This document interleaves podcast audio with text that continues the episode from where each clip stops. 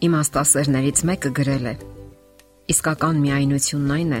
երբ կողքիդ նստած է մի մարդ, որը քեզ չի հասկանում։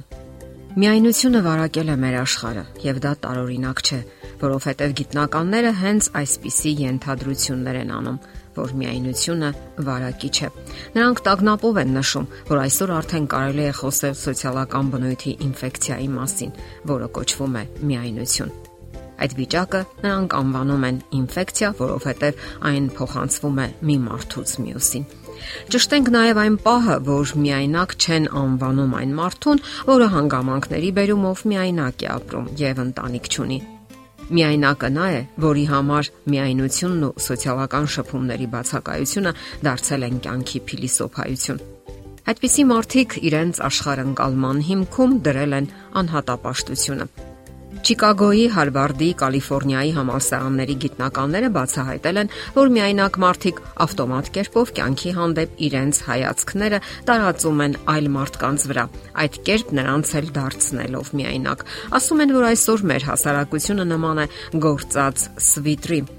Երբ նա կորցնում է մի թելը, ապա մյուսը Արդյունքում աստիճանաբար առաջանում են արանքներ եւ գործվածքը կորցնում է իր ամրությունը, նմանվում է ցանցի, որովհետեւ առաջանում են բազմաթիվ անցքեր։ Ահա այդպիսի իրավիճակ է առաջանում նաև հասարակության մեջ, երբ միայնակ մարդկանց պատճառով հասարակական գործվածքի մեջ կապերի բացակայության պատճառով առաջանում են բազմաթիվ խզվածքներ։ Բժիշկ Կաչիոպոն գրում է. Մենք հայտնաբերել ենք մինչ այժմ անհայտ մի վարակիչ հիվանդություն, որ մարդկանց գցում է հասարակության անկյունը եւ որտեղ մարդը անխուսափելիորեն միայնության է դատապարտվում։ Ապա զարգացնելով միտքը բժիշկը շարունակում է. իսկ քանի որ միայնությունը կապված է տարբեր մտածողական եւ ֆիզիոլոգիական հիվանդությունների հետ, որոնք կարճացնում են կյանքը, ապա կարևոր է ճանաչել միայնությունը եւ օգնել այդ մարդկանց, որpիսի կապվեն սոցիալական տարբեր խմբերի հետ, նախքան միայնության ճիրաններում հայտնված այդ մարդը լիովին կկորցնի սոցիալական կապերը։ Իսկ ինչ ֆիզիկական հետևանքներ կարող է ունենալ միայնությունը։ Միայնությունը որպես ֆիզիկական հիվանդությունների առաջացման գործոն վաղուց մասնագետների ուշադրության կենտրոնում է։ Ուշագրավ է, որ նույնիսկ գրքերի գիրքը Աստվածաշունչը չի անտեսել այդ թեման։ Սողոմոնի Մաստոնը գրում է. «Երեք պատիկ թելը շուտով չի կտրվի»։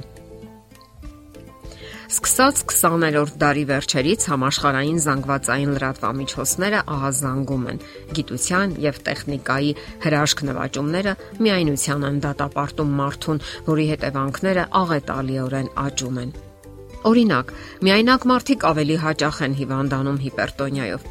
Այսպիսի հետևության են եկել Չիկագոյի համալսարանի գիտնականները, որոնք գիտափորձ են կատարել 50-ից 68 տարեկան 230 մարդկանց մեջ։ Միայնության աստիճանը որոշելու համար նրանց առաջարկել են պատասխանել 20 հարցի։ Հարցվածների կեսից մի քիչ ավելին տարապել է միայնության չափավոր կամ ծանր աստիճանով։ 15%-ն իրեն բացարձակ միայնակ է զգացել։ Ընդ որում, միայնակ զգացող մարդկանց զարգերակային ճնշման վերին ցուցանիշը բարձր է եղել այն մարդկանց համեմատ, ովքեր իրենց միայնակ չեն զգացել։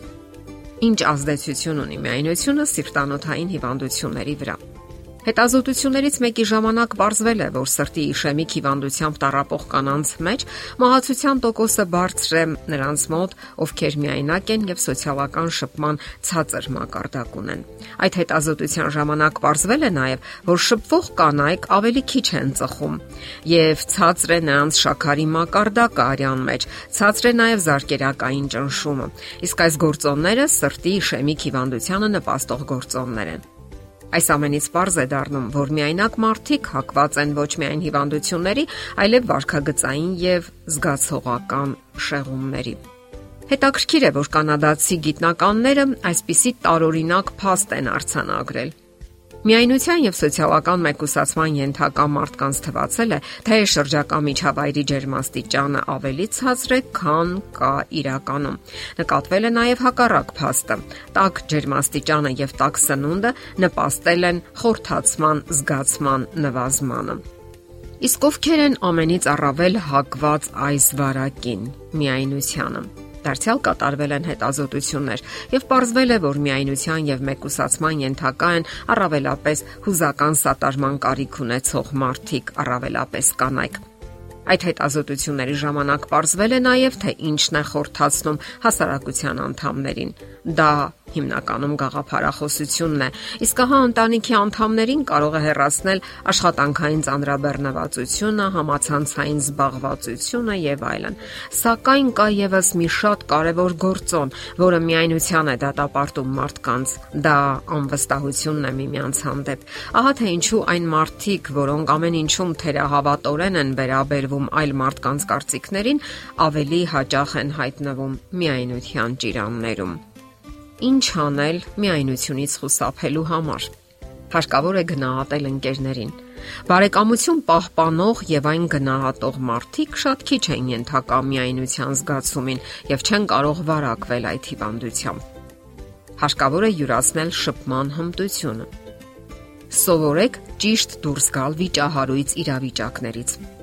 Միացեք ձեզ հետաքրքրող աշխատանքային կամ նախասիրական շփման ամենատարբեր խմբերի Պարզապես եղեք գերանդոն անznավորություն, նույնիսկ ինքներդ փորձեք օգնել ինչ-որ մեկին եւ դա կօգնի նաեւ ձեզ։ Փորձեք կատարել առաջին քայլը։ Պարտադիր չէ սпасել, որ ուրիշը կատարի այդ քայլը։ Միայնության բացիլը ենթակա է ոչնչացման եւ դա լիովին ձեր տրամադրության տակ է։ Առաջինը դուք կատարեք ընթարաջ գնալու քայլը եւ ոչնչացրեք միայնությունը մարդկանց հանդեպ ձեր բարյացակամությամբ ու սիրով, դրական տրամադրվածությամբ։ Այլ տարբերակ պարզապես չկա։ Եթերում առողջ ապրելակերպ հաղորդաշարներ։ Ձեզ հետ է Գեղեցիկ Ման։